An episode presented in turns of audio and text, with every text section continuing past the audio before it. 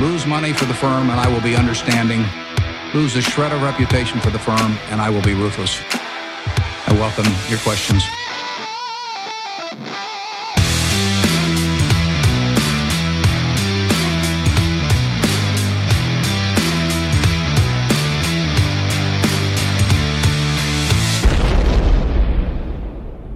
Hej och hjärtligt välkomna till ett nytt avsnitt av Kvalitetsaktiepodden. Det är jag som är Ola. Ja, och det är jag som är Klas. Eh, Det här är avsnitt nummer 97 som spelas in torsdag den 5 augusti.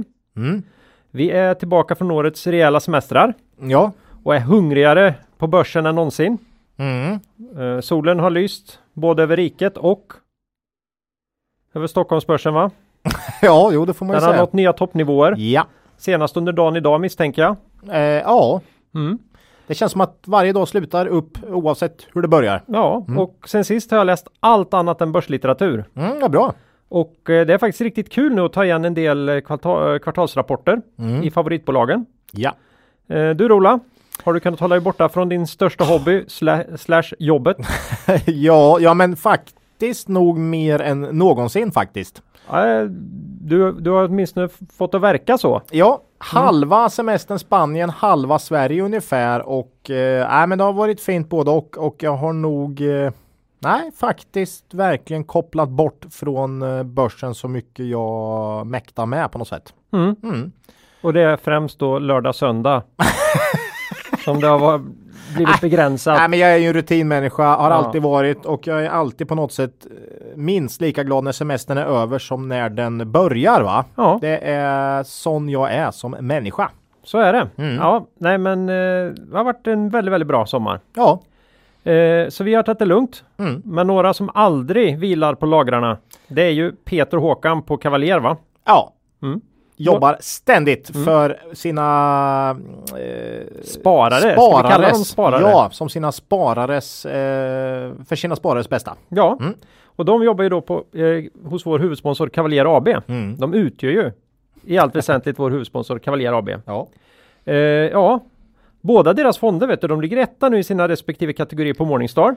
Det här är inte första gången vi säger det, Nej, utan det, eh, det har går, hållit i ett tag. det går väldigt bra för Cavalier. Mm. Mm. I, I lite olika marknader här måste man ändå säga. Ja, Och det är inte konstigt för resultaten har ju varit bra, eller mycket bra, trots stor riskspridning över många branscher och bolag. mm. Eh, och de växer nu fint eh, också i storlek. Ja. Det är både genom utmärkt förvaltning och genom att fler och fler hittar till Cavaliers fonder. Mm. Inte minst via månadssparande misstänker vi. Mm. Och det kan man ju ha till exempel på Saver, Nordnet eller Avanza. Där hittar man Cavaliers fonder. Ja.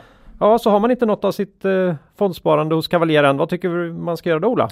Jag tycker nog man ska överväga, läsa på lite och sen eh, ta kontakt kanske Mm. Ja, med man eh, eller, eller bara Gå in på deras hemsida. gå, gå in på deras hemsida, läsa på lite och Mm. sen eh, fundera på om det kanske inte är så att eh, det är värt en, en slant. Ja, det tycker jag det kan vara. Mm. Eh, då ska man när man tittat på det där, Mm. då ska man också komma ihåg att historisk avkastning i fonder inte behöver vara en indikator på framtida avkastning.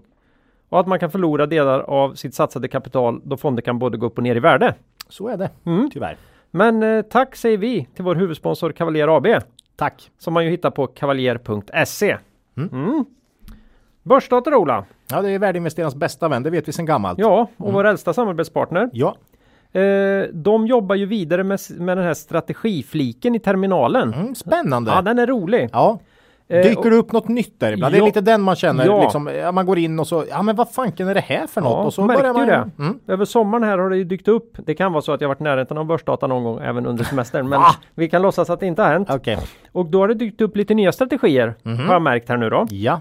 Eh, och några av dem är bland annat eh, Value Composite och Canslim.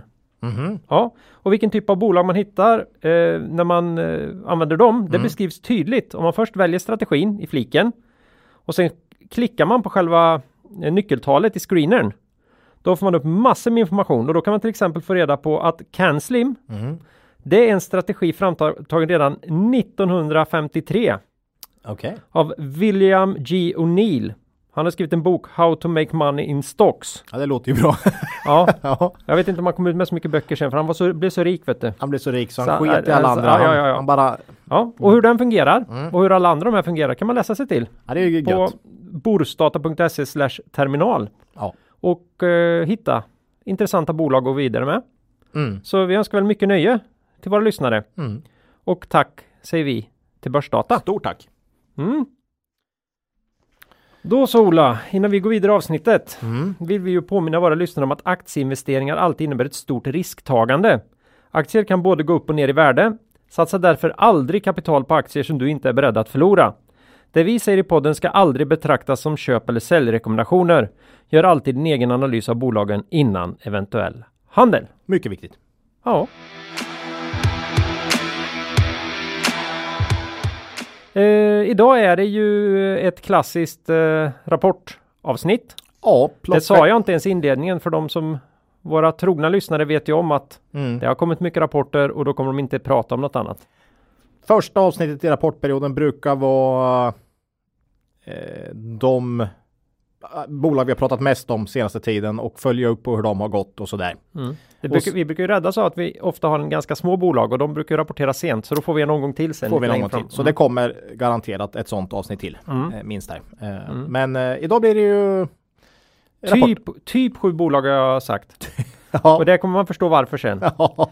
Eh, aktuellt då? Vi hade lovat lite återkoppling här på, vi snackar ju sommarbörs. Jag vet Jag tycker inte det är så roligt att prata generellt index och så här. Det vet ju du. Eh, Mm. Och var, varför gör jag inte det? Jo, för att eh, Warren Buffett och Peter Lynch tycker inte det är roligt. Nej. Och, och så, så då är man ju liksom fast där att varför ska man hålla på med det där för? Ja, men bolagen då? Bakom det här indexet finns ju bolagen Ola. Man kan säga så här, sommarbörsen har ju varit stark. Det är ju inget snack om det. Det är all time high här Mm. varje dag som du sa. Eh, det är ju liksom inte det klockrena investeringsläget för oss eh, värdeinvesterare. Eh, så är det ju. Det, mycket har ju gått upp helt enkelt. Det var ja, ju vi, roligt. alltså vi snåla jävlar. Vi snåla jävlar. Det var ju roligare förra sommaren. Ja, det var skoj. Mm. Eh, Men som vanligt, man får oförtrutet jobba vidare här med att försöka hitta bolag. Eh, Man kan screena, se om det Mm. Ja. rullar fram något på börsdata Mm. eh, med lite olika inställningar. Och se om det finns några bra bolag som fortfarande värderas rimligt Mm. där ute. Det är så vi jobbar. Eh, och det här med många frågor. Ja, men ska inte börsen ner snart? Det här? Alltså, vad liksom åt spår det här med generella börsutvecklingen? Det, man ska inte hålla på med det. Det, det leder ofta helt fel mindset, utan det blir vad det blir. Ehm, ofta är det dessutom något som man inte alls hade på tapeten från början som, som gör att en börs vänder. Eh, Ja, det är ju, förra våren det till kan exempel. alltid hända något mer. Ja, förra våren till exempel var ju tydligt tecken på det var ingen som visste det ett halvår innan. Nej. Eh, så, så att det, det liksom vi, vi, vi, vi pratar väldigt sällan generella börstermer och Mm. eh, utveckling av index framåt och så även idag. Däremot lite gemensamma nämnare från bolagens rapporter Mm. är ju ändå något som vi kan eh, fundera på. Och här är det väl ganska tydligt att återhämtningen är ganska stark rakt över och det ser bra ut eh, i nuläget Mm. för de flesta bolag. Eh, på den negativa sidan är ju de här leverantörskedjorna som i stort sett alla lyfter upp som problematik. Eh, det syns i, jag har problem med det privata. Jag beställde en golfklubba för två månader sedan. Mm. De sa att nu är väntetiden uppåt ett kvartal för en golfklubba från Asien. Och då vet vi vart den tillverkas ja. Ja, så, så att eh, det är ingen, det är inte något, något humbug det här utan eh, tyvärr. Jag såg någon Youtube-film för dig, eh, någon sån här traditionell golfklubbstillverkare som fanns kvar i England. Okej, Eh, Det kanske de är något. gjorde det helt, i stort Mm. sett helt för hand Ola. Du kanske ska ringa dem. Eh, tyvärr. så, som, som man gjorde sent på 1800-tal. ja, ja, du menar hickory-klubbor kanske? Nej, ja. det här, det här var, ja, det var, det här var rena hickory träklubbor, ja precis. okej. Mm, mm, mm. Men jag tror också de gjorde lite i stål, men det var inte den. Nej, det är inte en sån jag vill ha. Jag vill Nej. ha en sån här Asien till. Ja, okej, du vill ha en sån ja. Ja. Ja, men då, då kan man få vänta upp till ett kvartal. Eh, nej, men jag, min känsla är att den här återhämtningen kan. Eh, jag, jag tror man man ska vara lite försiktig i, för Q3 här på många håll. För det, komponentbrist och leveransförseningar och prisökningar kommer nog påverka en hel del bolag eh, negativt, eh, framförallt i Q3. Faktiskt. Eh, mm. Det är lite våran känsla. Och många säger att ja, men visst, det kan slå mot marginalen, men jag tycker lite färre pratar om omsättningen. Um, det är ju så att leveransförseningar gör ju att du kanske inte får ut så mycket varor. Ja, den här golfklubban blir ju uppenbarligen inte, inte såld, såld här. Nej. Mm. Eh, och dessutom så kan ju vissa bolag eh, fatta beslutet att eh, inte sälja mm. för att man tycker att marginalen blir för dålig med de här kostnadsökningarna på insatsvaror. Mm. Så eh, det är faktiskt inte bara marginalfråga här utan det kan faktiskt slå mot omsättningen också. Mm. Eh, om nu inte alla har tänkt på det. Eh, men som sagt, vi får se. Många pratar om att vi, en hel del bolag kan ju parera det här relativt bra och föra vidare kostnaderna. Mm. Eh, och det kommer väl synas ja. nu i Q3 om inte annat. Eh, ja, nej men det är väl det. Kanske man kan säga som gemensamma saker. Ja. Tycker jag. Nej, men det... Tjänstesektorn går bra, allt går bra känns ja. det som eh, faktiskt. Så det är starkt där ute. Ja, till och med IT-konsulterna. Ja, så är det. Det hade jag nog inte riktigt Nej. Eh, trott. E-work till exempel som vi ska nämna här mm. sen. Det är ju bästa. Det var ju bättre än 2019. Mm. Så att man är upp, det är liksom inte bara bra från förra året utan. Jag trodde de skulle ha svårt att, att få ihop det här med så mycket distansarbete som det är på tjänstemannanivån mm. fortfarande. Jag är, jag är imponerad. Ja, nej, vi var ju alldeles för, eh, för försiktiga vad gäller just tjänstesektorn. Ja, var... Fel ute menar du? Ja, fel ute då. Ja, bra. ja, det är mm. rätt. Ja. Mm. Påt bara. Mm. Påt bara. Ja. ja, nej men det, det får man ju tugga i sig nu då. För ja. att vi hade ju en del grejer där vi tyckte att Ja, ser ut att vara lite rimliga marginaler här, men det här vågar vi oss inte ge oss på. Nej. Och då sitter vi här. Men vi har haft eh, bra case. Ja, ja. Så att, ja, man får vara nöjd med det man har haft. Det får man vara, alltid mm. vara nöjd. Mm. Eh, det kommer nya bollar att slå på. Det, det, jag såg en intervju med eh, Peter Lynch eh, där han... En gammal eller? Ja, den här är från 90-talet någon gång. Mm. Eh, han hade ju det här Magellan som hade en fantastisk utveckling. Men han hade ju fortfar fortfarande eh, en, en, det var, jag vet inte hur många bolag det var, men det var liksom hur många bolag som helst på USA-börsen som han inte hade ägt, som hade dubblats senaste åren. Mm. Man hade ändå, alltså du behöver inte ha alla bolag. Ja, just det. Eh, och det var ju det som var han, hans take och att många säger att Åh, fy fanken, nu gick eh, Microsoft upp igår igen. Jag förlorade ytterligare. På att inte vara med där. På att inte vara med. Och han, då säger Lynch, det är fortfarande så att ingen kan fortfarande ha förlorat några pengar på att inte äga en aktie. Mm. Men man kan du kan kanske gå miste om någon upp, men fokusera på det du har mm. och det du själv, alltså tänk inte på alla andra aktier utan tänk på dem du verkligen vågar och vill satsa på. Mm. Mm. Nej, det har Viktigt. varit med om mycket nu på senaste när man tittar. Åh oh, herregud, var vi inte med där? Ja. Och det ser fan, och så, nej, men de pengarna har vi förvaltat lika bra ja. ändå. Ja. Och det kommer det... alltid finnas aktier som går bättre än de mm. du har i din portfölj. Ja. Eh, så att eh, man får fokusera på det man har och mm. inte på det man inte har helt enkelt. Nej, så är det. Veta vad man har och varför man har det. Viktigt också. Mm, det mm. sa ju Lynch. Ja. Ja, eh, det är typ sju bolag idag då som rapporterat och vi drar väl ja. igång med det. Ja. Eh, vi börjar ju i någon slags bokstavsordning här igen. Ja. Och då är det ju Dedicare va? Mm. Det här är ju vårdbemanningsbolaget som blivit allt annat än ett Norgeskämt.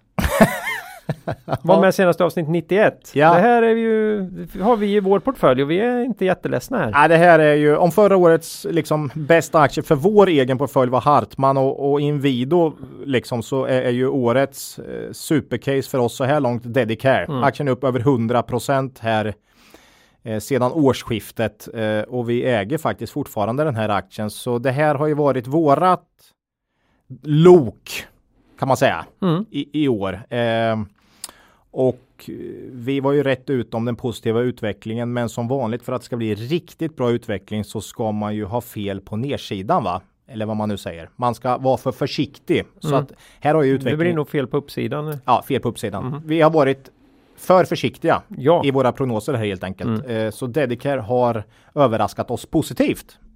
Eh, ja, enkelt. i alla delar. I alla delar mm. under året här. Dedicash Q2 här då visar ju på fortsatt mycket stark utveckling skulle jag säga. Omsättningen ökar med nästan 40 Vinst per aktie upp 190 eh, då fanns dock en, en del engångsposter här förra året faktiskt eh, på grund av förvärv och sådär. Ja, så jämförelsekvartalet var lite sänkt. Ja, mm. eh, viktigt att komma ihåg. Eh, fortsatt Norge här går eh, riktigt starkt. Man ökar alltså antalet anställda i Norge med 80 procent mm. jämfört med förra årets Q2. Lönsamheten fortsätter vara mycket hög. Vi är väl lite inne på att det går så bra och så snabbt så att eh, overheadkostnader har liksom inte riktigt hunnit med här. Mm. Eh, är någon form av gissning. Mm. Och jag, jag, här har jag inga belägg alls. Jag är rädd att det kan finnas, de tar ju upp covid som något negativt. Jag tror att det kan finnas en positiv covid-effekt här på något sätt. Okay. Mm. Eh, stängda gränser kan ju påverka saker åt alla möjliga håll. Ja, jo. Du kan få någon form av låtsasmonopol eh, ja, tag. Det kan finnas administrativa hinder som gör att du hellre går till en, en större mm. privat aktör än ja. och försöker lösa ut din bemanning själv och sådär. Jag har inga belägg för det här överhuvudtaget, men det kan, det är nästan orimligt bra. Ja, No, någon doping här mm. känns det som. Nej, det, alltså. det, Norge går ruggigt starkt. För de har inte gjort några förvärv heller. Det Nej, inte Norge. Liksom organiskt. nu har det i och för sig gått starkt under lång tid, men ja. senaste kvartalen har varit exploderat. Exploderat bra. Mm. Ja. Sverige då eh, fortsatt svagt, så det är verkligen ja, gungor och karuseller här på något sätt. Det tar, det, det tar ut varandra kan man säga, de här mm. två. Eh, Sverige verkar dock bottna ur och mm. omsättningen börjar öka svagt igen. Eh, lönsamheten blir i alla fall inte sämre om vi säger så då. Det är svårt att få sämre lönsamhet ja, än negativ lönsamhet. Negativ. Mm. Eh, man, man, man, åtminstone plus minus. Man tar ju alla, en, man tar ju alla overhead i, i Sverige. Ett, ja. Förutom ja. på börsen i alla andra sammanhang så är det ju så här att ett, efter ett tag så löser sig alltid det med negativ. Mm. För då går man i konkurs. Ja. Men eh, Nej, det, man... det, är ju, verkar ju nästan vara omöjligt ja, eh, på börsen. Ja. Men det här är ju bara ett ben. Så Nor Norge, eh, det är lite spännande. Jag vet inte om du kommer till det, men om man tittar bara några år tillbaka på var pengarna kommer ifrån. Hur man fullständigt har lagt om det här. Mm. Det är oerhört snyggt gjort alltså. Ja, eh, jag, jag sa att overhead ligger i Sverige. Det gör det inte, utan det ligger ute. Men, men de här koncerngemensamma, mm. om du förstår vad jag menar. Ja, ja. Det, det lägger man i ben Sverige så att det ser lite sämre ut än vad det egentligen är. Men säg att det är plus minus noll. Mm. Sverige var ju uppe på 11 10, 11, 12 i rörelsemarginal för några år sedan. Under hög omsättning. Under också. hög mm. omsättning mm. och då var också aktien uppe på 150 spänn då. Eh, och vi köpte väl in den här i vintras till 38, 40 spänn någonting. Mm. Och då eh. var ju det, då, då var de, värderades de ju fel på den nivån redan med de intjäningen. Ja, då, alltså det kan alltid mm. varit ganska tydligt med att 7% är vad mm. de tror är, det är det de siktar på att vara över, över tid. Över tid ja.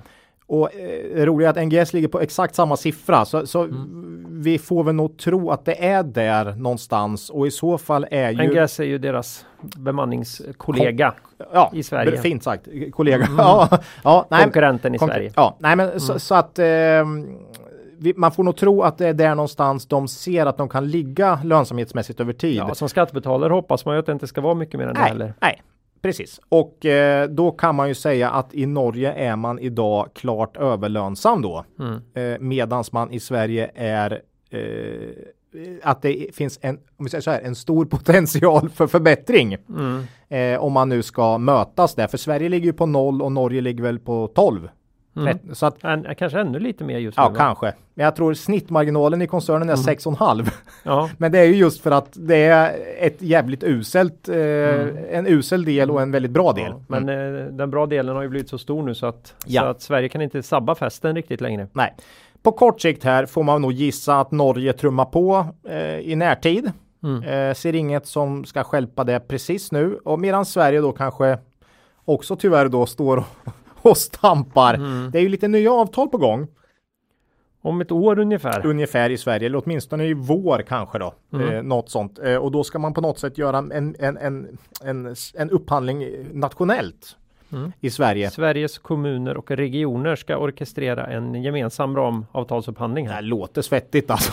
ja, jag älskar ju sånt här. Ja. Jag har varit inne och läst. Mm. Det blir spännande. Ja, nej, men istället för att förhandla med alla landsting separat mm. då så blir det liksom eh, ett gemensamt här. Då måste man ju vara med här. Annars är det ju bara att säga godnatt. Och, ja, kommer man inte in i det här ramavtalet då är det inte jätteroligt I Sverige. att uh, vara. Nej. Eh, då, då har man de privata aktörerna kvar att gå till. Ja, Eh, och där har vi hela moms momsproblematiken. Nej, då är det godnatt. Nej, jag vet inte. Då, då, tror jag att istället för noll i resultat i Sverige så blir det noll. Ja, Men för då, i omsättning. Då, och då blir omsättningen också noll så att säga. Mm. Eh, nu kommer det inte bli så kategoriskt, tror jag absolut inte. Jag tror att Dedicare har väldigt goda förutsättningar att få vara del i det här. Eh, men det är ju något som... Det är ett ramavtal så Ja. att eh, du kan ju alltid Du kommer ju alltid kunna direktupphandla när det krisar och sådär. Mm. Men det blir ju aldrig, det blir aldrig de volymerna. Nej. Eller ja, det kan det ju också bli om man fullständigt skiter i ramavtalet om man misslyckas med det på något sätt. Men Ja. vi får utgå från att SK, eh, Sveriges kommuner och regioner faktiskt är väldigt, väldigt duktiga Ja. på just upphandling. Det är väl en anledning till att de finns tror jag. Mm. Jag kan fortfarande inte sluta säga landsting. Jag, jag fattar inte hur länge det ska ligga kvar. Men ja, Mm. sorry för alla som... Eh, Ja, men så är det väl. ja. Eh, I Norge har det dock varit ute en hel del från årsskiftet redan. Så vilket känns oerhört bra att de första två kvartalen på, ny- på de nya avtalen här inte visar på någon eh, total, något haveri Nej. lönsamhetsmässigt. Tvär, tvärtom. Eh, så att det verkar inte vara där det är något, eh, något på gång så att säga. Eh, intressant. Eh, förvärv är ju en ganska stor del av Dedicare eh, historiskt och man gjorde ett förvärv i Danmark för ett år sedan ungefär och det har ju bidragit väldigt bra. Man är ju inne i Finland, börjat krafsa där. Fundera på om det kanske inte kan vara nästa land man vill röra sig uppåt Och du i. vill ju gärna in i Finland. Nej, Jag- fram, vet du varför? Mm. Eh, Varför jag vill? Det är för att jag vill se riskspridning här. För jag vet, Mm. det är lite som med det här eh, iGaming och Mm. jag vill se många Fler länder. för, för, för att de politiska riskerna ska eh, Mm. spridas va. Eh, för en, en, en ett land kan ju få för sig något, men då kanske Mm. du har eh, fem eller tio andra länder som kör status quo. Mm. Eh, så att eh, det Jag, där. jag försöker tyda väldigt, väldigt små subtila signaler i den här kvartalsrapporten har ju du märkt. Så jag har ju observerat att man har flyttat över. Förut så låg ju Danmark och Finland ihop i övriga. Ja, för något år sedan ja. Ja, Mm, och, innan de... ja, Ja. och nu, nu kör man ju hårt på att Danmark ska ha en egen, vara. Mm. egen och, och Finland och Sverige får Samsas. samsas. Mm, Och det, det tar jag ju som ett tecken på att man vill, vill verkligen göra någonting i Danmark. Ja, nej det kan vara. Så, och är det bara organiskt? Det vet Nej, man inte. Nej, nej. Det ja. vet man inte. Nej, men ja, Mm. jag, jag tror nog att... Jag tror inte det blir Sverige kan jag, säga. nej, det tror inte jag heller. Nej. Och jag är tveksam till om det blir Norge, utan jag Nej. ser sa- mer sannolikhet Danmark, eh, Finland då. Kan man växa så här organiskt som man har gjort nu? Då jädrar. Ja, eh, Dedicare har ju en nettokassa Mm. eh, och ganska fin sådan också, så att jag Och ett tror... väldigt fint kassaflöde. Ja, jag tror definitivt då att det är eh, tänkbart Mm. att man fortsätter och det har ju historiskt varit en väldigt bra värdeadderare då till, eh, till den organiska tillväxten då. Eh, som jag sa, i efterhand så är det ju helt uppenbart att vi har varit för försiktiga här i våra vinstutsikter Mm. för 2021. Det är ju så efter de här två kvartalen. Eh, I dagsläget ser vi nog kanske att 6,30 är som en eh, liksom vårat bascase Mm. för 2021. Eh, ja, det känns ungefär rimligt och då har vi P på 12. 12,5 kanske på nuvarande kurs. Eh, jokrar, återöppnandet av samhällen här i Norden. Vad händer? Eh, sjuksköterskor har väl haft en del att göra medan den här planerade vården har ju varit mycket inställt. Mm. Uppskjutet. ja, framförallt Sverige vet jag ju att man har mycket att ta igen. Vet inte riktigt hur det ser ut i, i övriga länder faktiskt. Eh, så det är en joker, eh, förvärv, en annan joker. Också svårt, vi brukar sällan ta med det i våra förväntningar framåt, men det kan ju eh, få in, lyfta in eh, tillväxt. Mm. Men det är ibland, särskilt inom eh, på industrisidan så tar vi ju med. Ja, det kan vi göra. Framförallt i de som förvärvar väldigt eh, frekvent. Frekvent. Så måste man nästan ha med i sina prognoser för annars missar man en, en, en, en, en given sak så att säga. Va? Mm. Eh, nej, vi tycker Dedica fortfarande inte liksom har dragit, ja den har ju gått upp 100% men den var lågt värderad när vi när vi investerade från början och dessutom har vinstutvecklingen blivit betydligt bättre än vad vi har trott här. Så vi tycker fortfarande det här känns som en, nej, men en intressant och attraktivt värderad aktie faktiskt. Mm. Och Eh. kan bli eh, väldigt intressant direktavkastning också. Precis, för man brukar eh, dela ut en ganska stor del. Mm. Eh, jag tror nog på 5% direktavkastning på, man kanske kan dela ut 3,50 eller 4 kronor i vår, Mm. tror jag. Med den vinstprognos som vi har och då är du nästan uppe på 5% direktavkastning och det är ju inte fel såklart. Eh, osäkerhet som vanligt, eh, politiska risker och de här av, ramavtalen får man ju säga. Och för jag tänkte säga det nu så har, vi den på P12 någonstans då kan man tycka ja, men det kanske inte ska värderas högre än så med tanke på den ständiga politiska risken mm, som finns då. Mm, mm, eh, men då kan man ju tycka att nu, nu sprider vi ut oss lite grann här. Mm. Geografisk expansion är ju oftast det man har att sätta emot. Ja, ja. Eh, så lite grann står ju hoppet till att man kan bygga, mm. fortsätta bygga Danmarksbenet. Ja, och Finland eventuellt. Och, och eh, ja, definitivt Finland om, det, om man bara kan få ett grepp där. Och P12 känns just... svårt. Vi måste läsa på mer om vad det är som är utmanande i Finland. Ja, det är säkert eller, någon, någon reglering. Ja, eller kan... så har man bara inte gjort den om Nej. du förstår vad jag menar. Eh, men P12 med nettokassa, då tycker jag också det finns möjlighet till förvärv här. Ja, ja. Så, så den har du ju fortfarande. Så helt, istället för P12 kanske det är P10. Mm. Om det nu kommer. Det är det som är Kassan kan om, omvandlas ja. till omsättning här. Ja, och mm. vinst per aktie då. Ja. Eh, så, så, att, eh, mm. nej men. Eh, mm.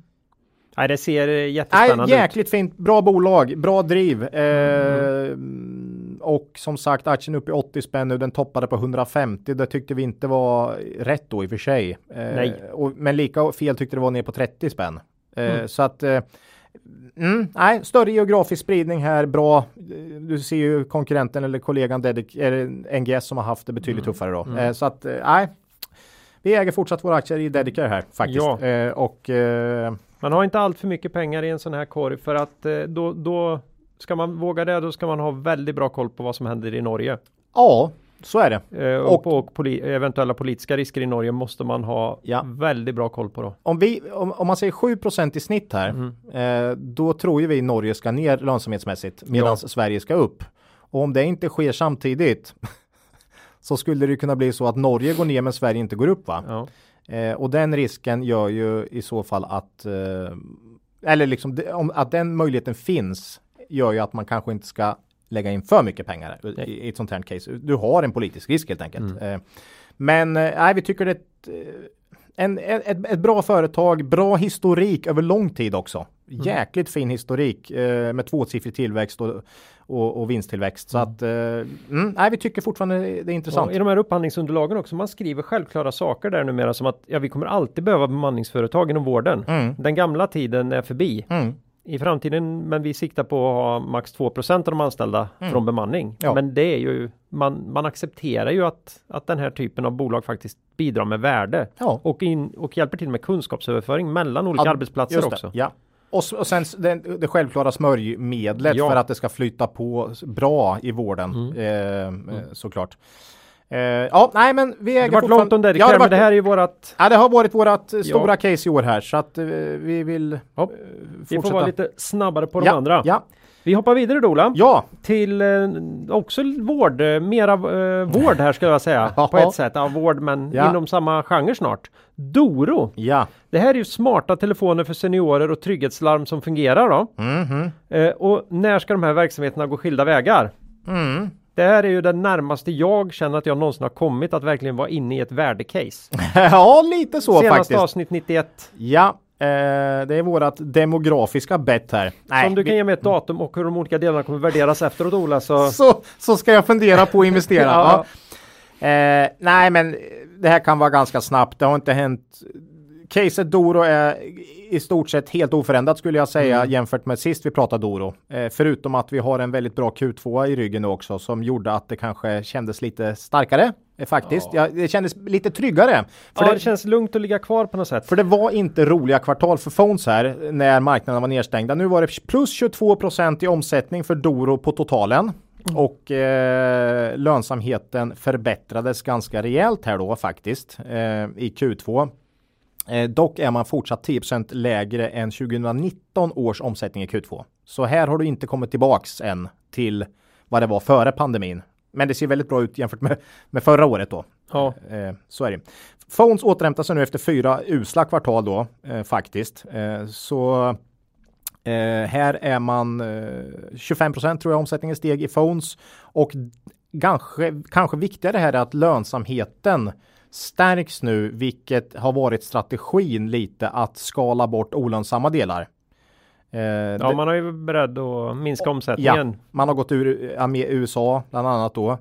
Eh, och förmodligen eventuellt tagit bort en del olönsamma produkter också skulle jag tro. Mm. Eh, så, så, att eh, det här, jag tycker den här rapporten visar på att deras strategi för phones biter. Mm. Eh, viktigt för mig att få en, en, ett kvitto på det så att säga.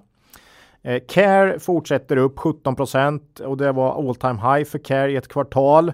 Det här är drivet av förvärv fortsatt. Mm. Man plockar in bolag och lägger på abonnenter då helt enkelt. Lönsamheten här tycker jag fortfarande är lite för låg jämfört med vad man bör kunna nå. Men den ser inte ut att eh, sjunka. Man hävdar ju att man har haft kostnader för under pandemin för att tillsätta eh, personal. Ja, det har varit svårt. Eh, så, så, att eh, vi får se. Men det var inget. Det var inget alarmerande i care.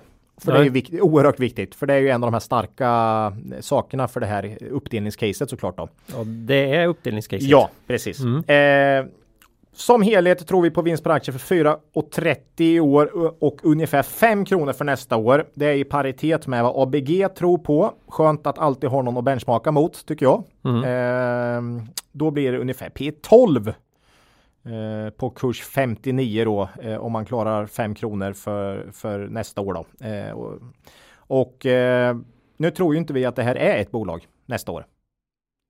Men Nej, det är så man får ja. räkna tills det är det på Mm. något sätt. Nej, det Eh, hoppas vi verkligen inte. nej. De börjar ju ta kostnader för det här som sagt så att ganska rejäla kostnader tar man nu då. Eh, så att där måste man ju det är kolla. ingen liten sak. Nej, man, man måste ha koll på det. Vi justerar ju för de här engångsposterna nu och eh, försöker bedöma den underliggande lönsamheten Mm. nu då.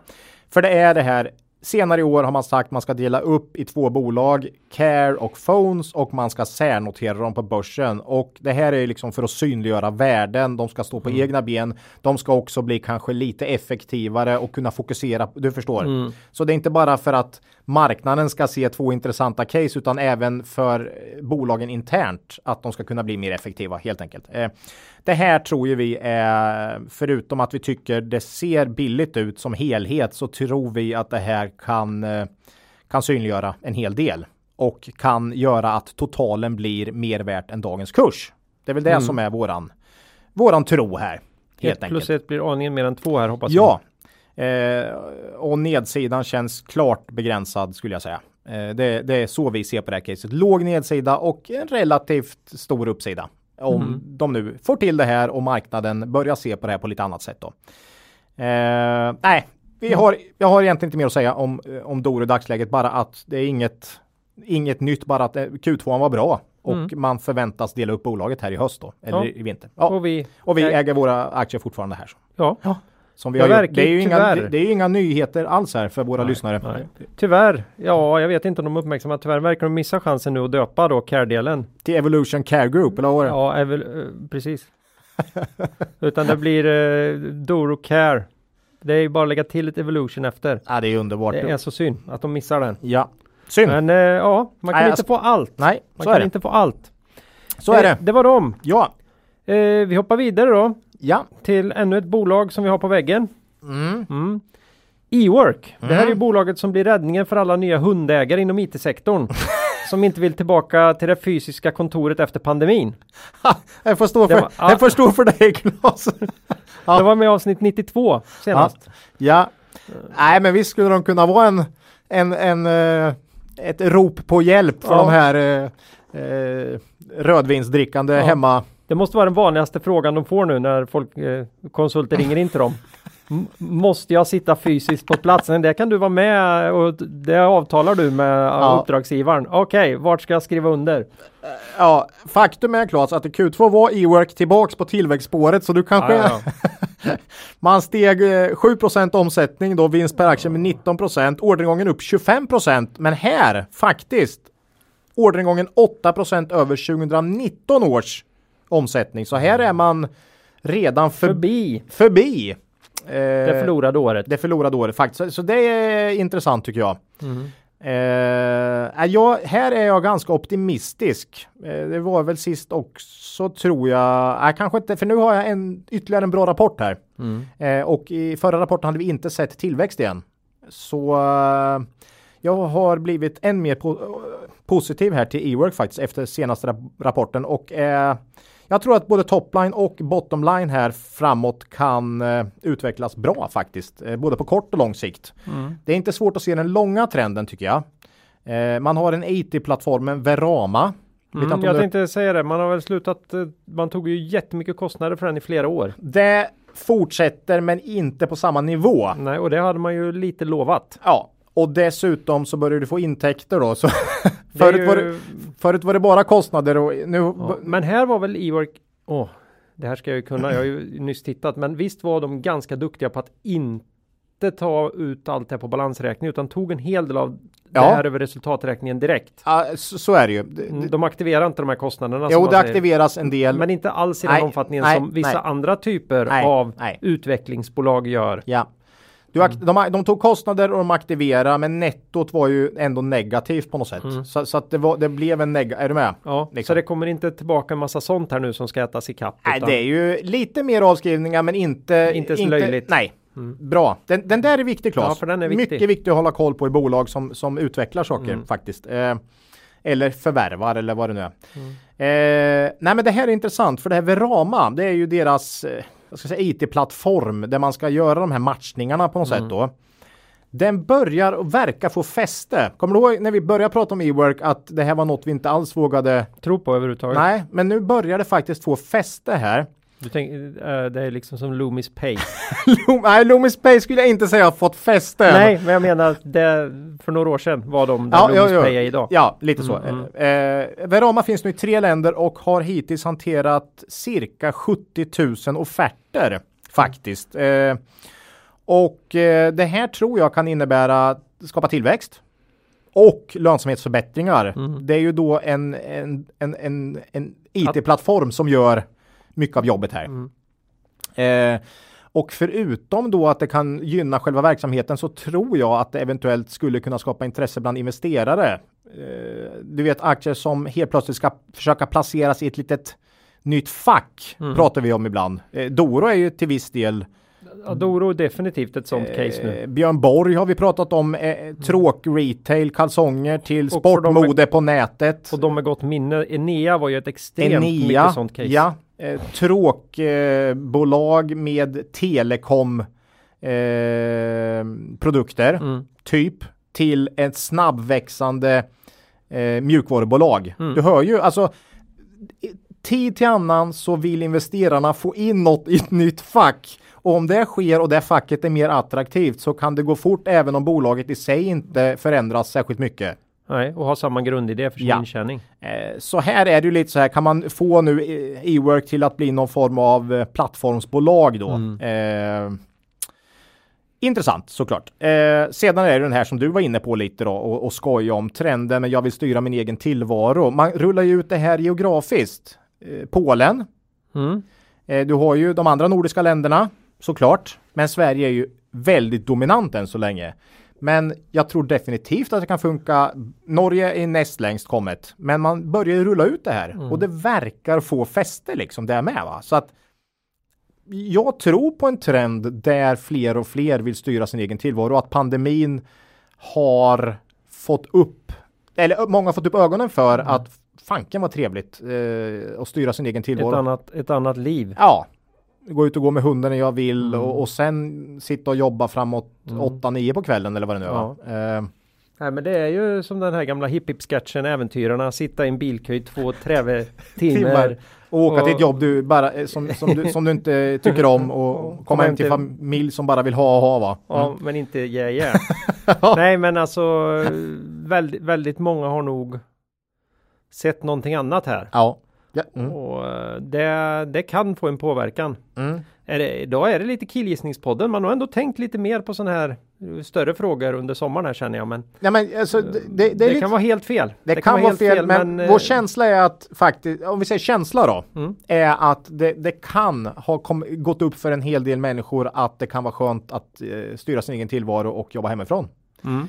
Eh, E-work är ju ändå någon form av lösning på ett sådant problem. Mm. Mm. Eh, kollar jag ABGs prognoser här så ligger vi ungefär lika för i år, men för 2022 ser jag faktiskt att jag ligger högre. Jag tror faktiskt att vi kanske har en starkare tro på e-work här än vad marknaden faktiskt har och mycket beror nog på Verama här. Eh, och eh, Nej, vi tror nog faktiskt och, och, den här trenden med att många kan vilja knyta sig till den här typen av bolag faktiskt. Mm. Det, det, är nog de sakerna som gör att vi ligger lite högre där än vad ABG gör då. Mm. Och, att, och att vi ser att IT-konsulterna har kommit tillbaka på ett sätt. Starkt, ja. Eh, starkare än kanske, mm. mycket starkare än vad vi trodde och kanske starkare än vad många andra analytiker trodde också. Ja, här Så har de kommer nog ikapp kanske. Här har vi ungefär P16 på på vår förväntade vinst för 2022 eh, och eh, det tycker vi är, är, ganska bra faktiskt för den här. Det här är ett bolag som växer snabbt mm. och dessutom kan bli något som det inte är idag. Det är lite det som är våran grej och dessutom delar ut en väldigt stor del av vinsten för man förvärvar aldrig. Du bara ans de har inget. De har, mm. de, de har, det är inte så kostnads, eh, vad heter det? Drivande. Nej, precis. Mm. Så de delar ut en väldigt stor del av vinsten. Så direktavkastningen är även här då nästan 5 Mm. Eh, i dagsläget. Eh, nej, vi tror på det. Det här är ett av våra tillväxtcase faktiskt, eh, skulle jag säga. Och därför tycker vi att värderingen fortfarande är rimlig. Den har inte sprungit iväg i alla fall som i många andra. Mm. Eh, man har ju offentliggjort ny vd här. Det är ju någon form av, eh, av eh, osäkerhet såklart. Eh, långköraren här Soran Kovik lämnar ju över här då stafettpinnen till Karin Schreil tror hon heter. Mm. Eh, Soran ska dock ta plats i styrelsen förväntas det här. Har, har de rekryterat henne via sin egen plattform? Vet du det? Mycket möjligt. Det vore ju snyggt. Nej, jag tror kanske inte det är vd. Nej, de kanske det... inte är vd, vd-rekrytering som är deras grej direkt. Eh, nej, men han ska, Soran ska vara kvar i styrelsen och så här, så det känns inte som att det är något som man ska vara så här. Det, det är inget dramatiskt här i alla fall. Nej. Eh, nej, men vi äger fortfarande våra aktier i Ework eh, och vi tycker det här känns alltså som en buy and hold. Faktiskt. Det, det här är något jag skulle kunna mm. se som ett buy and hold case faktiskt. Eh, så att, mm. ja. Ja, nej det är inget nytt här. Det nej. har vi också sagt till lyssnarna förut hoppas jag. Att vi äger aktier i e-work, det tror jag. Mm. Jag vet inte när de var med sist, men i våras någon gång. Avsnitt eh, 92. Så ja, ja. ja, men då ägde vi e-work. Mm. Ja. Ja, ja, det är nu, om eh, e-work. Nu kommer vi till typ sju bolag då. ja, just nu har det. jag nämligen bolaget iGaming här. Aha. Och det finns ju inget sånt på börsen utan det, idag är det ett litet segment som består av Betsson och Kindred. Ja. Vi kan ju inte ha en podd utan att ta upp antingen Betsson eller Kindred. Vad händer? Ja. De var med i avsnitt 91 eller 92 så lite, lite har vi ändå mm. lyckats avhandla emellan. Men, men var står vi här nu ja, då? Efter EM och OS? Och... ja, vi får så mycket frågor om Betsson och ja. Kindred så även fast vi liksom inte har jättemycket nytt här på fötterna så så tar vi ändå upp det igen. Mm. Eh, vi får även frågor på andra gamingbolag ska vi säga. Eh, mm. Evolution, eh, Kambi, Angler och så vidare. Men det är bolag som vi än så länge inte följer faktiskt. Eh, kan bli ändring på det mm. såklart. Eh, men eh, i så fall får vi återkomma. Båda de här operatörerna är bolag vi gillar. De fortsätter gå starkt. Betsson levererar sitt bästa kvartalsresultat någonsin i Q2 medan Kindred levererar sitt näst bästa kvartal efter då det här monster Q, ja, Q4. Då är, väl, då är väl case closed då, då vet vi. ja. Djupare analys än så. Nej, och därför tycker vi Betsson är lite mer inte, nej. Eh, nej men eh, de går ruggigt starkt, mm. båda bolagen här då. Eh, updaten för hur Qt har startat visar på 2% omsättningsökning för Betsson och 15 för Kindred. Det här är ju dock första halvan av juli så det är en sjättedel av kvartalet. Det är lite för tidigt att dra några stora växlar. Vi brukar sällan dra stora växlar på de här. Det är så, det är så, det är så lite tid. Trading update. Men, men eh, visst, det visar ändå att Kindred växer lite snabbare i inledningen här av Q3. Eh, båda ökar dock eh, omsättningen. Eh, Betsson har lite mer valuta mot vind än vad eh, Kindred har också. Eh, jag tänkte egentligen inte prata mer om själva rapporten utan jag tänkte mer jämföra lite Betsson och Kindred kvaliteter och risker. Vi brukar, vi pratar mycket risk. Ja, det är ju mm. våran ofta nedsida. Mm. Ja. Kollar man på produktsidan så hade Kindred cirka 50% sportspel i Q2. Betsson cirka 30% Här tycker jag det känns som att de flesta investerare har en en uppfattning i alla fall att skillnaderna är större mellan bolagen. Man säger mm. Kindred, eh, Sportspel, Betsson, Casino. Nah, Mm. Jag tycker det, det är mer Kindred, sport. Kindred fin betting, Betsson full betting. Ja, jo 50 och 30 är skillnad, men det är liksom inte 70 och 25. Utan Nej, däremot gång- var det Mm. 65 25 eller något sånt för några år sedan. Men nu är det 50 och 30 här i Q2. Så att skillnaden är inte fullt så stor som jag tror många tror. Nej. Eh, I alla fall min gissning.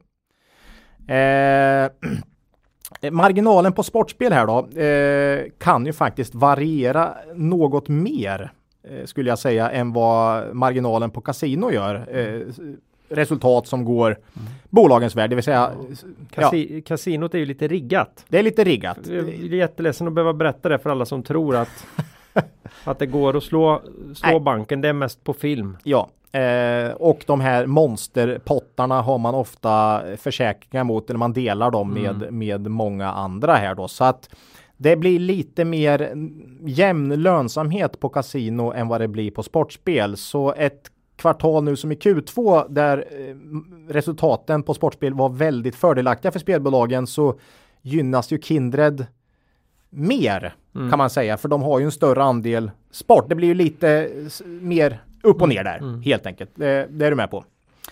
Eh,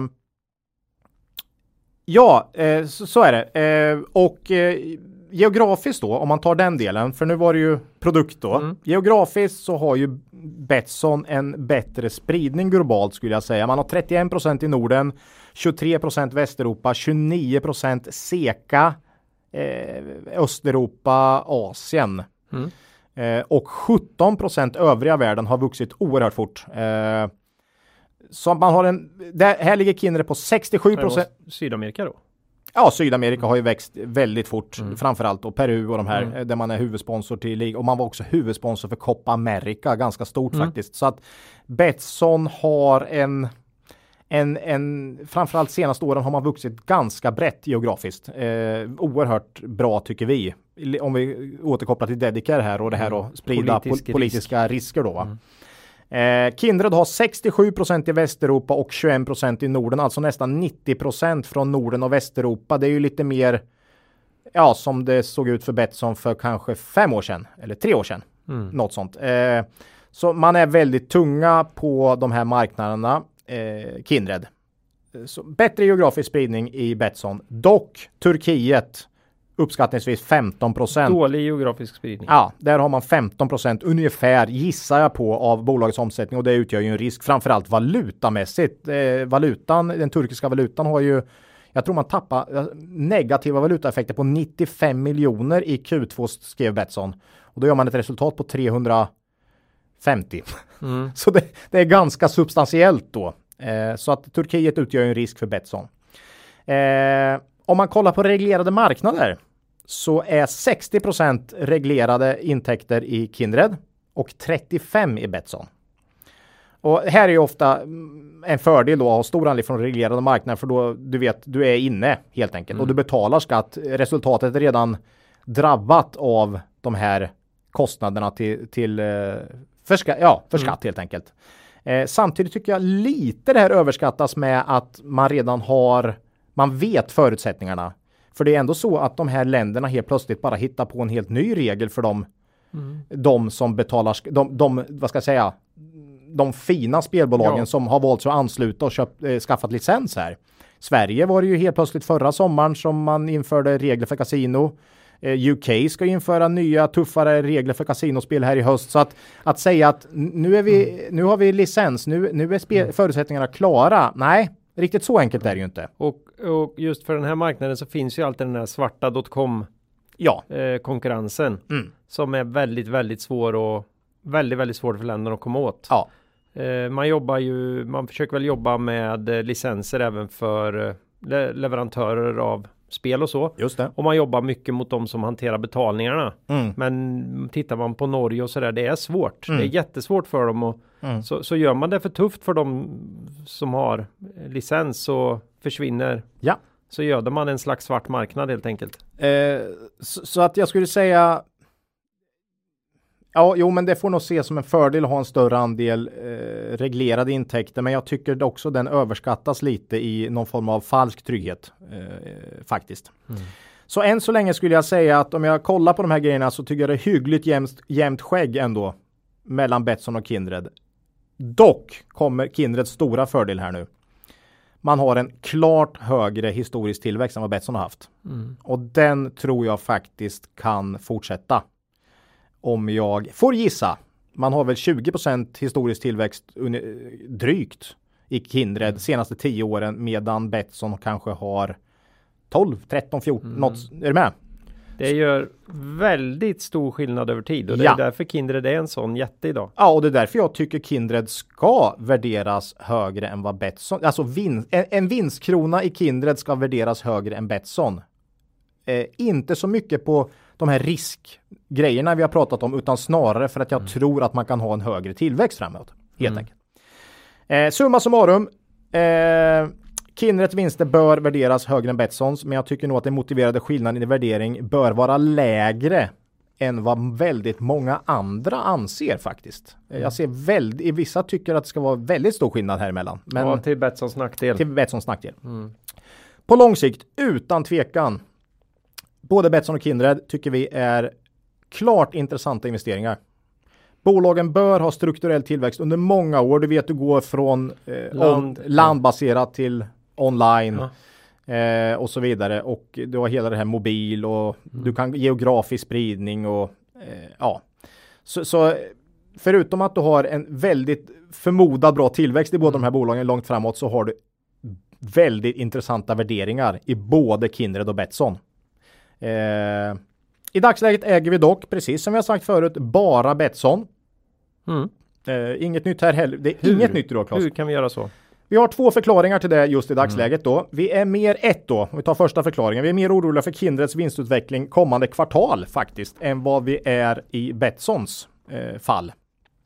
Eh, och det här är något vi inte är ensamma om. Det är flera analytikerprognoser jag har sett här som verkar vara inne på samma spår. Bet vi, vi upplever att Kindred har haft en en mer överlönsamhet mm. senaste kvartalen från Q4 2020 och till nu då än vad Betsson har haft faktiskt. Eh, och eh, det brukar vara svårt att få en aktie att gå riktigt bra när vinsten droppar eh, en del. Mm. Eh, vi tror dock inte på någon vinsttillväxt i Betsson heller, men vi tror att det är lite mindre motvind. Om vi säger så då. Nummer två. Vi vill inte vara för tunga i en enskild bransch.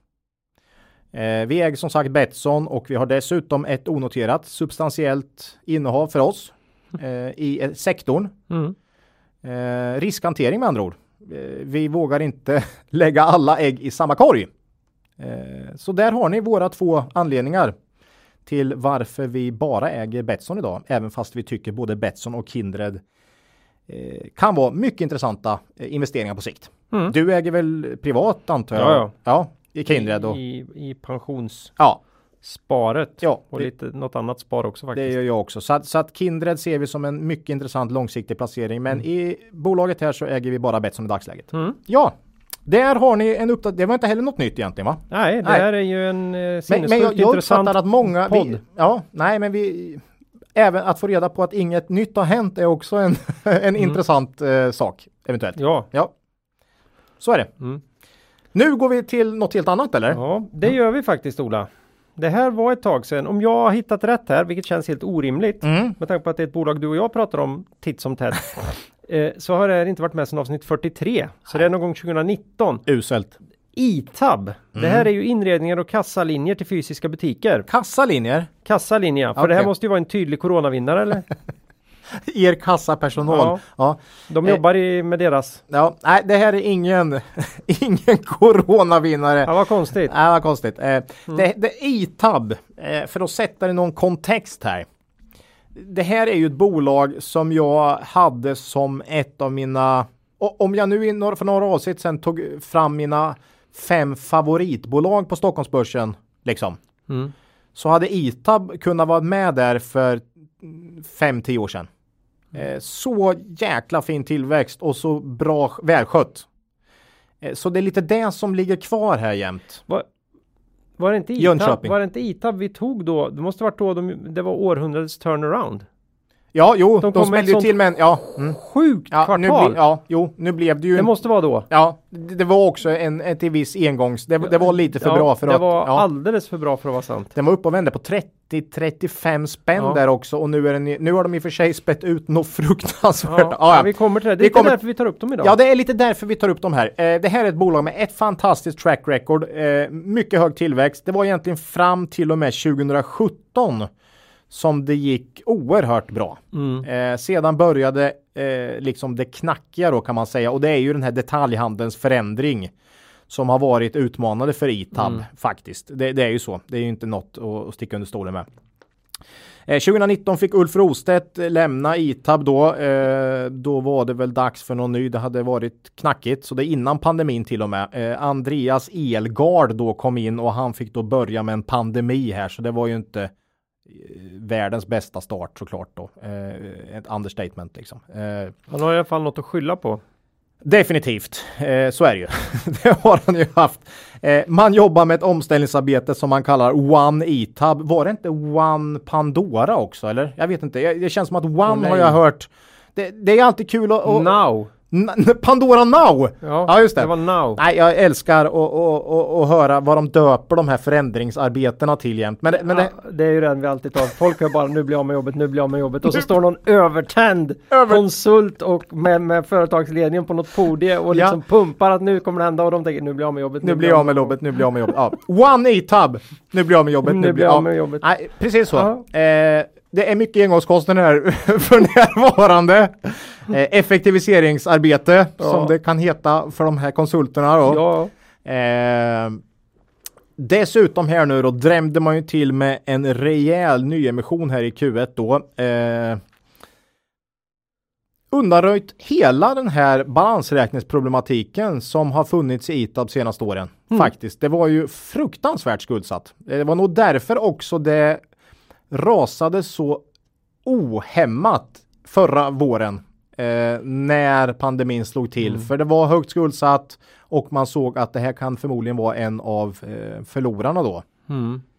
I kombination. Ja, det fanns liksom ingen hejd på hur lågt man kunde Mm. Hade sälja ut. banken knackat på så är det inte säkert man hade grejat det. Nej, och det är de aktierna som man helst ska undvika då i, eh, i ras. Eh, När man vet att det kommer en pandemi. Ja, nu är dock balansräkningen i ett skick som till och med jag skulle kunna eh, klassa som, eh, som fint faktiskt. Mm. Det är en gånger ebitda eller något eller en och en halv. Så att liksom man drämde till rejält. Vad är dock negativt med nyemission? Jo, Att det kan bli en liten utspädning. ja, antalet aktier har faktiskt mer än fördubblats i Itab sedan eh, förra året. Men man ville nog Nej, nu ska vi ta bort det här jäkla oket va? ja, det är ju, Mm. det är ju rejält. Det är rejält. Det är rejält. Så vinst per aktie blir ju rejält negativt påverkat då. Mm. I alla fall om man gör vinst så att säga. På Ja, annars så minskar ju ja, förlusten va? per aktie. Det Ja. är ju bra. Ja, det är härligt va.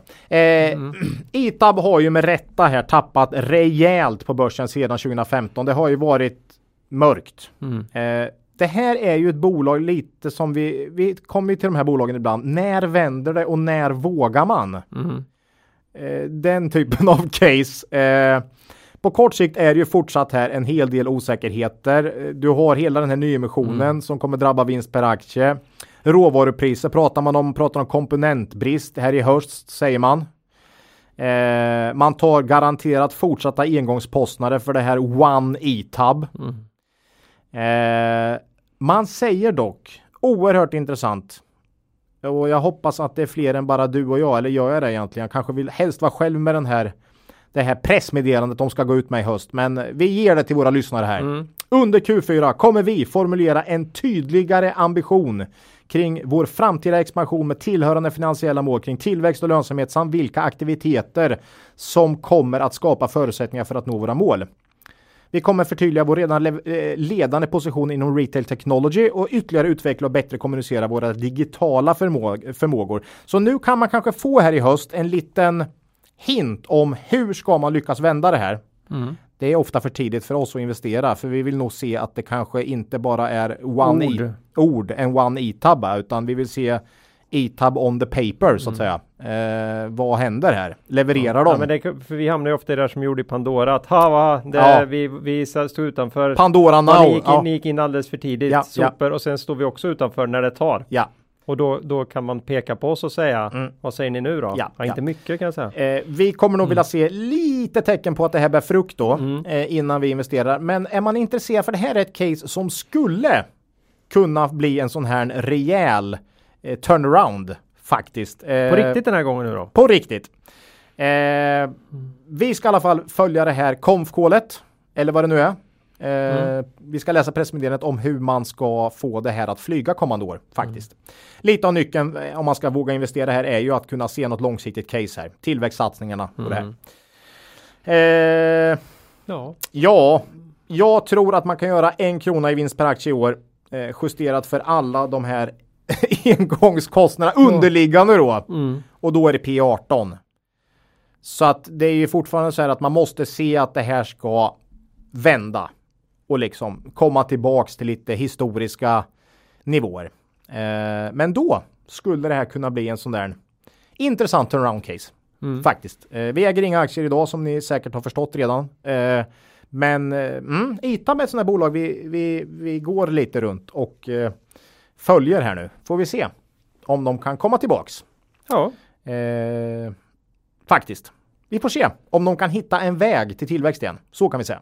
Ja. Mm.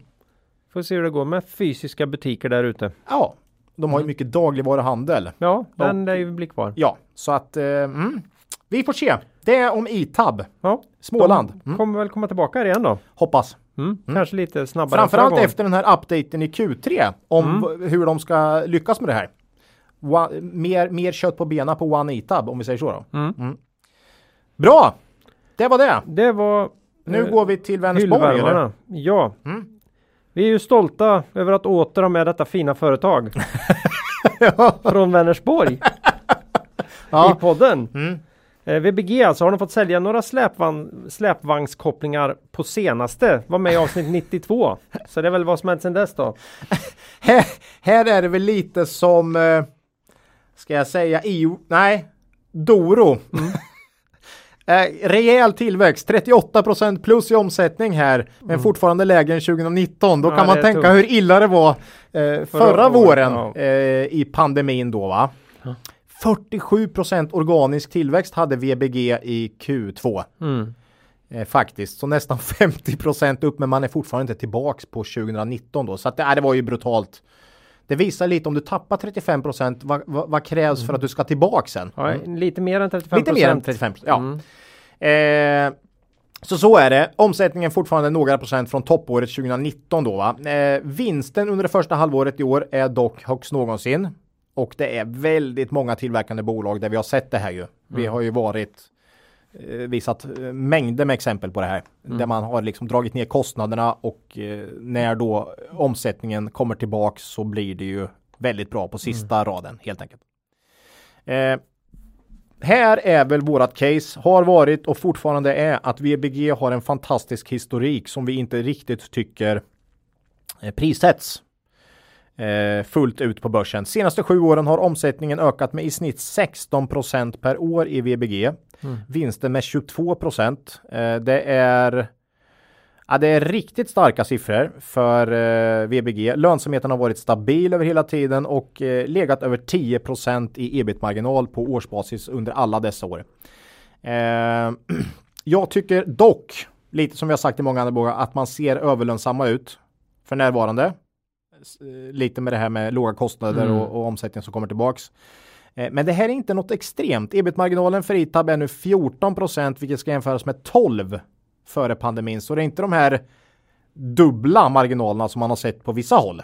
Nej. Så jag är liksom inte riktigt lika rädd för att det här är någon form av eh, magisk lönsamhet, om du förstår vad jag menar. Eh, VBG pratar ju precis som alla andra om tuffa leveranskedjor och stigande råvarupriser. Man säger dock att man Samtliga divisioner har fått arbeta kreativt. Jag undrar vad fan de har gjort det. kreativt för att klara, klara leveranstider och kompensera för stigande material och transportkostnader. Vi har delvis kunnat kompensera för prisökningar tack vare våra produkters starka marknadspositioner. Man kommer, man kommer vara helt svettig varenda gång man, man blir omkörd eller ska köra om ett, en lastbil med släp nu.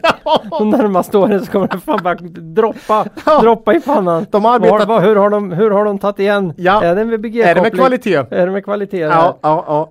Ja. Eh, nej, men eh, vad jag vill lyfta fram här är att eh, jag ska säga, vikten av att ha starka produkter.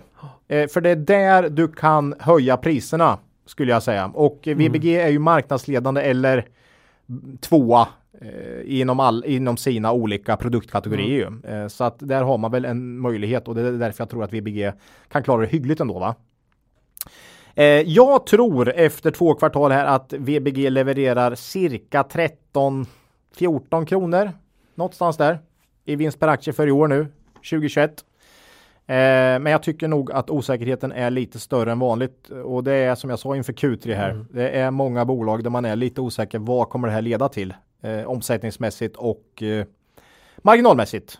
De här eh, leveran- leveranskedjorna. Eh, Jo, kedjorna. men om det tar tre månader att få fram en, en golfklubba till dig, hur, hur kan vi lita på att de får Mm. tag i alla sina grejer här Ja. nu? Och de, allt måste ju finnas, annars blir det som du sa Mm. att eh, släpet inte... Nej, så att förhoppningsvis släpper de inte den. nej, alla delar måste dit liksom. Eh, Men blir det där 13-14 kronor då har du P på just 13-14 här. Mm. Ja, men det var ju som någon vi pratade med som byggde en väldigt, väldigt komplex produkt och sen i slutändan så var det svårt att få tag i knappar till nödstoppet. Ja. Mm. Mm. Ja, men, ja, då men du måste ju inget. ha den. Ja. ja. Du kan ju inte bara, du kan ju inte bara sätta dit en annan knapp och själv skriva nödstopp på. Det finns regler va?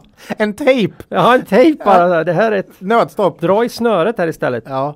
Nej, det går inte. Nej, Så, så att det är det du som behöver är... ha alla delar för Ja. att skjuta in. Och du måste, om du inte kan få det från någon måste du få det någon annanstans. Ja. Eller göra det själv eller på något sätt fixa en, en pryl. Mm. Eh, ja, nej men ha, kan de leverera 13-14 i, i, i vinst per aktie så har du P 13-14 här, ungefär. Mm. Eh, och det tycker jag är, jag tycker det är, jag tycker det är lågt. Ja, med den tillväxten, ja. bolag med den fina historiken och som då är också marknadsledande på sina olika nischer. Mm. Eller tvåa liksom. Eh, och vad jag ska säga, här, riktigt intressant blir det dock om det här förvärvet som vi har tjatat om i, i ett år snart. Mm. Eh, om det blir av. För man har ju själv sagt att vi, det är förvärv, man, man jobbar med förvärv, det finns många case och att det ligger på bordet helt enkelt. Man, Mm. man försöker få till förvärv men det har inte hänt. Då blir det rikt, lite som Dedicare, då kan det här bli Mm. väldigt spännande inför 2022 då kanske om man får in ett förvärv. I, För när den här typen av bolag verkligen gör förvärv, då är det bra. Ja, det brukar vara bra. Är- eh, Mobile Climate Control som man gjorde här Mm. 2016, 17 någonting. Eh, ja, det blev väldigt bra. Mm. Liksom. Eh, så får man till det så kan ju P1 vara ännu lägre, precis som vi sa i Dedicare. Mm. Nej, det här, det här, VBG tycker jag är ett sånt riktigt kvalitetsbolag eh, som inte riktigt värderas som ett kvalitetsbolag och det är liksom eh, ja, det är därför vi äger aktien och det har vi sagt förut. Så Mm. det är inget nytt i något av bolagen. Allt är precis som det alltid har varit. Nej, inte som det alltid har varit, men som Mm. det var senast vi pratade om dem. Så kan vi säga. Nu har jag som våra lyssnare suttit här i, I en timme och en kvart. Ja, i 67 minuter. 67 minuter om jag och de hade klippa något i den här Mm, Vi hade bara kunnat skriva ut att inget Inget är nytt. inget nytt. I, på västfronten inte ett nytt. Nej. Som, vad heter han, Demark va? Åh herregud, ska du sätta mig på den nu? Åh, Nej, det var en eh, av de böcker vi läste nej, under eh, skoltiden. Åh, din... Det här är ju som... eh, det, var ju men som på, det var ju som på hästhoppningen igår. Ja, Kan du berätta vart första hindret är någonstans? När de inte fick upp grafiken. Satt med en bild över hela banan. Det var Ja. jätteroligt. nej, Ja, vi, ja, vi, återkomma släpper den. Vi släpper den. Vi Ja, släpper den helt och hållet Ola. ja. Och eh, Det nöjer var, oss. Det var veckans bolag här. Mm. Nästa vecka blir det förhoppningsvis lite eh, fräscht också. Lite nytt. Mm. Det här var en sån här liten update på de vi har pratat mycket om. Mm. Ja, Härligt. Mm. Eh, ingen lyssnarfråga idag för att det var massa rapporter. och dessutom hade vi ett jättelyssnaravsnitt precis nyss. Mm, men att- vi har lite nya frågor. Så det ja, kommer, det kommer till nästa, kanske till nästa avsnitt eller Ja, eller avsnittet vi får se hur mycket rapporter. Om det blir lite Ja. mindre rapporter om ett avsnitt, då kastar vi omedelbart in lyssnarfråga. Ja. Citatet Ola. ja, vad har du där? Ja, det är ett passande citat så här i slutet på semesterperioden. Ja, nu kommer jag på vilket det var ja. Ja, det är här, det inte lite e-work? det här har ju då sagts på ett språk jag absolut inte kan. Nej. Eh, det här är en antik kinesisk filosof. Nej, det tror jag. Han var, han var, han var förvirrad. Konfucius. Konfucius ja. ja. Just det. Han sa då fritt översatt här på något sätt av mig. Välj ett arbete som du älskar och du kommer aldrig att behöva jobba en dag i ditt liv. Det är ju snyggt. Fan, det är tillbaks till e-work här eller? Ja, ja. En. Ja, ja men det är ju fint. Har, ja, bra. Bra Mm. Men sagt. vi är inte ledsna när vi kommer tillbaka till jobbet här. Nej, precis. Mm. Så är det. Eh, nej, vad ska man... Försök om det är möjligt. Jag inser att det, alla har inte möjligheten, men Nej. det är lätt att bli lite fast. Men försök hitta ett jobb som, som passar en. Ja. Då kan nog nästan allt vara roligt. Ja, Och, och så lite bra arbetskamrater på det. viktigt. Jäkligt viktigt. Ja. Mm. Strunt i att störa dig på chefen, fokusera på dina arbetskamrater. Bra arbetskamrater kan kompensera för mycket alltså. Ja. Och det, det har ju vi Ola, eller hur? Ja. Bra. Det, ja, det är härligt. Ja. Jag vågar inte säga något. Nej, jag vet. Har du druckit ser till- du- Har, du druckit, har du druckit gloshoppat till lunch? eller? Ja, det var så. va? Eh, ja, Som de ja. sa på skolgården i, i mellanstadiet, du vet Jo, va? jo. Mm. Så det har jag. Det har du, okej. Ja, ja. Nej, det var en caesarsallad. eh, vi närmar oss Va, slutet. vad innehåller en gloshoppa egentligen? Ja, det, det, det måste vi ta reda på. ja, ja. Eh, vi närmar oss slutet för det här avsnittet. Ja, det gör vi. Ja. Nästa avsnitt torsdag den 19 augusti. Oj. Kanske vi är något mindre, vi är som, som kalvar på grönbete idag. Då kanske vi har fått lite reality check. Ja. Och lite mer dämpade. Mm, mm. Man kan mejla oss på kontaktet kvalitetsaktiepodden.se. Mm. Man kan titta till oss på Twitter. Mm. Och man kan hitta lite intressanta saker på vår hemsida kvalitetsaktiepodden.se. Där avsnitt 95 inte ligger ute fortfarande. Nämen. Och jag ska när eh, semester... Omedelbart. Och nej, Nej, jag fan. löser det inte själv så jag Ah, måste eh, ta hjälp av en konsult. Okej. Och var skulle jag möjligtvis kunna hitta en sån? Så jag är liksom helt Ja. baffel där så att eh, vi får se om jag kan lösa det. Okej. Nej, jag måste ta lite hjälp där. Ja, det är bra. Eh, det är något som är konstigt. Ja. Eh, ja, eh, någon riktig makro eller TA värt att ta upp idag? Nej, du kanske har något eller? Ja, Jaha. det har jag Ola. Okej. Jag har ju tittat lite lite grann på OS. Ja, jag Eh, med. och jag bara undrar Mm. om det var, är någon mer än jag som hajat till över Toyotas reklam under det här OSet. Okej. För första gången jag såg den så var den i stillbilds, stillbildsform. Mm. Och då var det ett supertydligt budskap på tvn. Ja. Start your impossible Toyota.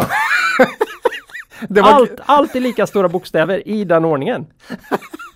Det var gloshoppa på den då? Ja, det var gloshoppa ba- på den. Vad, vad, vad, Vad- vad, gör de? Vad gör de? Ja. Alltså är inte det lite konstigt att den kan ha passerat igenom? Ja. För jag Jo. tycker ju det här Start your impossible, det är ett ganska svårt budskap redan från början. Mm. Start your impossible. Ja, Mm. så, så möjligen Toyota. Nere i högra hörnet eller Ja, uppe i ja, högra ja. hörnet. Det skulle kunna Och så vara. ser ju de flesta ut. Ja. Men det här är... Start det här är your den, impossible Toyota. men det här är liksom den officiella. Om du går in och söker en bild på kampanjen som de körde ihop med Mm. Ja. eh, O- OS och eh, Paralympics. Mhm. Så ser det ut så. Det är en googling bort. Det, Nej, jag, tyckte, nej. jag tyckte inte den var helt lyckad. Nej, det, det, det intressanta här är ju att man startar en bil va? Ja. Eh, så hade det varit en rakhyvel eller något Ja. så kanske det inte hade, men här blir det liksom starta din omöjliga Toyota Start liksom. your impossible. Gillette. Det hade, det hade kanske kunnat gå. Ja, Nej. men, men nej, det är bara jag som tycker det är... nej, nej, jag tyckte det var riktigt kul Claes. Ja, tack- bra, bra, tack, Ola. mak- Snällt. bra makrospaning skulle jag Snällt, säga. snällt. Mm. tack. Mm. Eh, har vi något eget ägande? you, you bet Allt. alltså, you Ja, bet. allt utom ITAB. Nej, då vart det ju nästan ett sånt här avsnitt. Vad äger kvalitetsaktiepodden för tillfället? Men, men Mm. eh, Dedicare då, Doro, Ework, Betsson, Mm. I, inte ITAB nej. Eh, och VBG. Och Mm. dessutom så äger både du och jag Kindred eh, privat va? Ja, Så att det var, det var rejält här. mm, vi sa e-work, det gjorde vi. Ja. Ja. De har vi. Mm. Mm. Så är det. Ja, så innan vi eh, skiljs åt vill vi bara påminna våra lyssnare att gå in på Cavaliers hemsida, Mm. cavalier.se och läsa på om deras fina erbjudanden. Ja. Och då vi ihåg att historisk avkastning i fonder inte behöver vara en indikator på framtida avkastning. Och att man kan förlora delar av sitt satsade kapital då fonder kan både gå upp och ner i värde. Mm. Ja, då säger vi hej då för den här gången och ber våra lyssnare att komma ihåg att Det är först när tidvattnet drar sig tillbaka så nu får se vem som badat naken. Lose money for the firm and I will be understanding. Lose a shred of reputation for the firm and I will be ruthless. I welcome your questions.